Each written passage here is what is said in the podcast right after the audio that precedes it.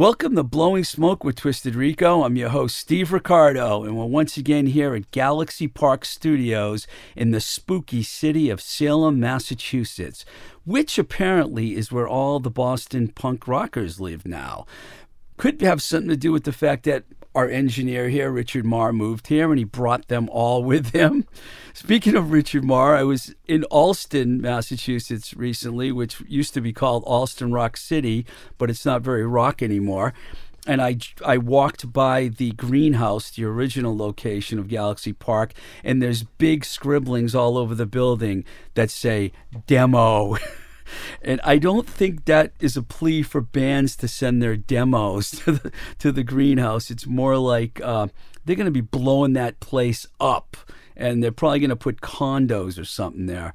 It's like the end of a punk rock, garage rock era for sure. And like many others in the Boston music scene associated with the scene, I should say, have great memories of the greenhouse. I know many people that lived in that house. So let's move along here. We got two really interesting and different topics that we're going to talk about in this episode of Blowing Smoke with Twisted Rico. The first one came completely by chance. Because of some unusual circumstances, I found myself with a ticket for the Queen slash Adam Lambert show at the Xfinity Center in Mansfield, Massachusetts, a place which I will always refer to as Great Woods, but now they're calling it the Xfinity uh, Center. Well, my sister and her husband Brian were going to go to this concert because their lovely niece and my godchild Vanessa gave them two tickets. And Brian forgot that he was having complete knee replacement surgery a week before the concert. So there is no way in hell that he could go to a rock concert with, you know, his knee like, you know, stapled together brand new knee. So guess who ends up getting the ticket? Me. So I was like, wow, okay, I saw Queen three times in the late 70s. One of them was one of the greatest concerts I ever saw, which I mentioned on a previous episode of Blowing Smoke with Twisted Rico when Thin Lizzy opened for Queen at the Providence Civic Center, which is probably one of the greatest rock shows I've ever seen in my life. But and I also saw Queen with Paul Rodgers when they played their first American show in New Jersey. I was accompanied by my old college DJ friend, Captain Jack Marsh. We drove down from Boston. This was in 2005 or 6 or sometime around then. That was really good because they played a bunch of Bad Company and Free songs. This is a little different for me, though, because I'm not a big fan of those TV shows, those talent TV shows. And I know that Adam Lambert is from one of those shows, but everyone keeps telling me what a great singer and performer he is. So I didn't know what this was going to be like. And I was a little skeptical, like a lot of other people are skeptical. But I have to say, from the moment we arrived, after my sister made all these comments about all the people in the parking lot with chairs and tables and cooking food. And she's like, What's going on around here? And I'm like, uh, Have you never seen tailgating before? But my sister kind of has kept to herself. She's a survivor of lung cancer, so she doesn't really, hasn't gotten out a lot, but she did get a big thrill on this occasion, as did I. The actual concert, the crowd, the set list, it was all perfect. First of all, this is not about Adam Lambert at all. This is about Brian May, Roger Taylor, John Deacon, who was not there because he's not really involved in playing with the band anymore, and the great Freddie Mercury. It was a tribute to Queen, and the timing is really good because the film Bohemian Rhapsody, which was released last year, just got huge reviews and won all kinds of awards mostly because of the great acting. So this was like people were really hyped up. It was sold out. It was a Boston crowd, New England crowd. They were psyched. They played like I wrote down some of the titles here so I would remember some of the songs they played were Keep Yourself Alive, Now I'm Here, Killer Queen, In the Lap of the Gods Revisited from the Sheer Heart Attack record, one of my favorite Queen songs ever. Don't Stop Me Now from Jazz, which got an enormous response. Under Pressure was one of the highlights of the show, and I didn't know how they were going to pull it off, but Roger Taylor did the duet with Adam Lambert. It was brilliant. Brian May came out and played Love of My Life and 39 acoustically. Those were fantastic. Adam Lambert sang with them on Love of My Life. The audience actually mostly did all the singing. Uh, they did Radio Gaga, doing all right from uh, early days. I I didn't. I, I that blew me away. I wasn't expecting to hear that. And of course, you know, Bohemian Rhapsody, which everyone was expecting, and they put Freddie's picture on the screen fairly often throughout the show, so that really made it worthwhile. It was definitely one of the most entertaining concerts that I have seen in some time. And I had to mention this because you know I'm I've meant, I've told you before I'm an enormous Queen fan. When I was in high school, all my buddies at Bartlett High School in Webster, Mass, were all Kiss fans, and I was the only Queen fan. And then there was a guy Peter Starzik who was an Eric Clapton fan. He was into Derek and the Dominos and Traffic and all these English bands. Very educated. I loved Queen because I love the flamboyancy of the band. And I always, you know, I went to see Kiss with all my friends, and I got some of them to come and see Queen at least one of the three times that I went, but they weren't buying it. Like most people weren't buying it. It wasn't really till Live Aid that Queen actually got a large majority. They were huge all over the world, but not as big in the U.S. as like Beatles, Stones, Who, Pink Floyd, you know, all the other supergroups. Now, though, I put Queen right up there with those other bands. Um, it took some time, but and it took the passing of the greatest rock singer probably in the history. I challenge anyone to tell me who's better. I was listening to this uh, radio show once on. Uh, you know, one of the uh, Sirius channels or whatever, and they picked the top rock vocalists of all time, and they had Jim Morrison number one. I mean, are you serious? Jim Morrison, a better singer than Freddie Mercury? I, I don't think so. Anyway, um, happy I went, and I just want to tell everyone out there that has their doubts if you get the chance to go to see Queen and Adam, Adam Lambert, uh, don't pass it up. It's a show that you will not forget.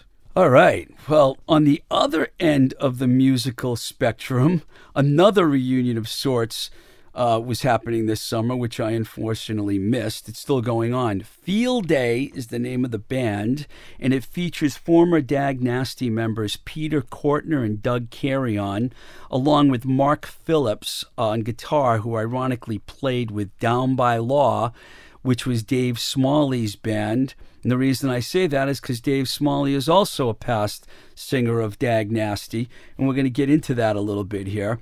The band played two shows, one in D.C., which is kind of the home base of the band since that's where they originally formed, and another was in New Jersey. Uh, they also have some other dates booked uh, at the end of the summer here in Chicago, and I believe they're playing in L.A.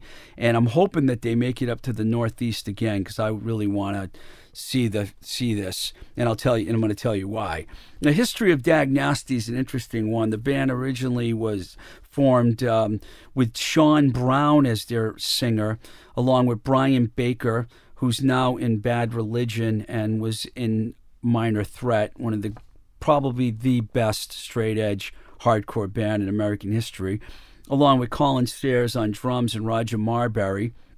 First record they released uh, was called "Can I Say," and it, it was a there was a switch on lead vocals. Dave Smalley from DYS, Boston Hardcore Legends, came in, took over the vocal duties along with Sears, Marbury, and Baker, and they rele- that record was released on Dischord, produced by Ian MacKaye, former singer of Minor Threat and Fugazi and you know they stuck with that method and did another record with Ian. Uh, things changed a little bit on the, the, the, next record, which is Wig Out at Denko's, which is my personal favorite Dag Nasty record.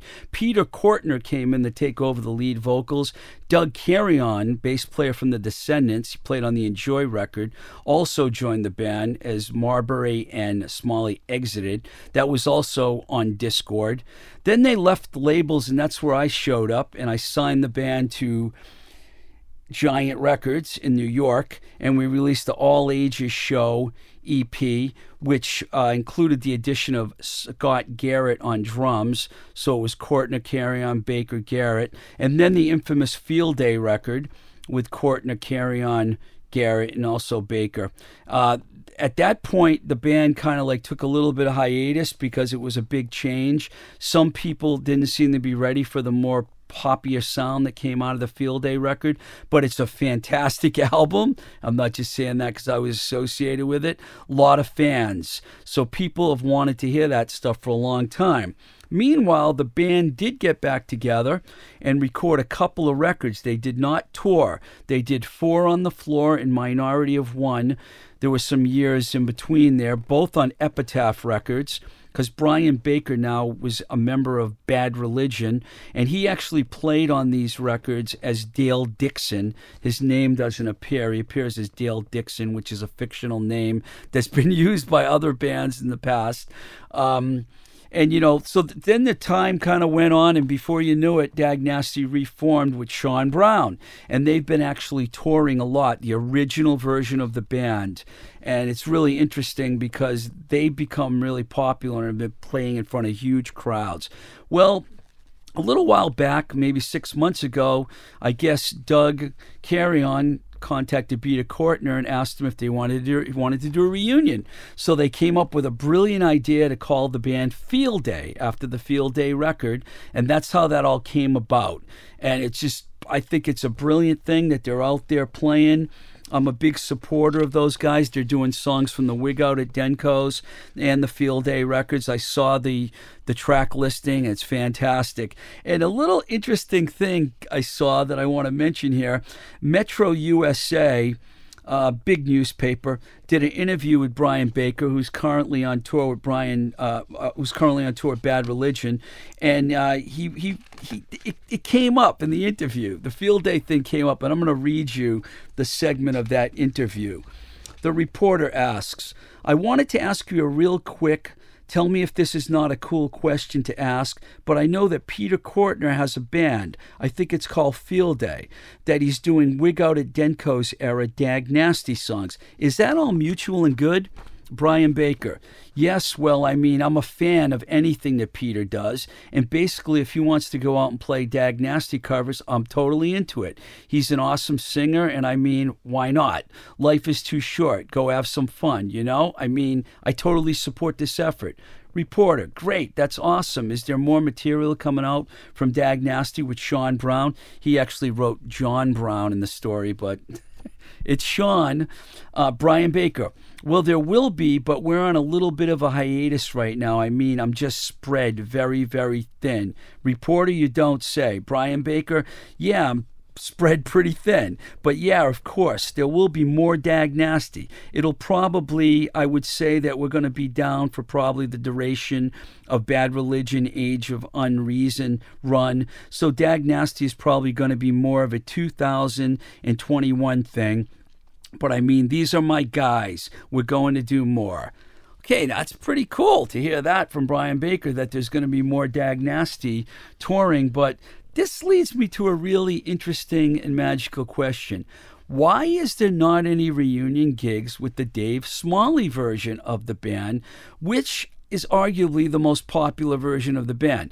Granted, they only released one record, can I say, but Values Here is probably the most popular Dag Nasty song. So I'm trying to figure out what's going on. Now, someone alluded this to me. It's not just a theory, it's not my theory, that this is a p- politics are involved in this because you may or may not know that Dave Smalley is an outspoken conservative. He's made that perfectly clear on Facebook and in interviews and everywhere.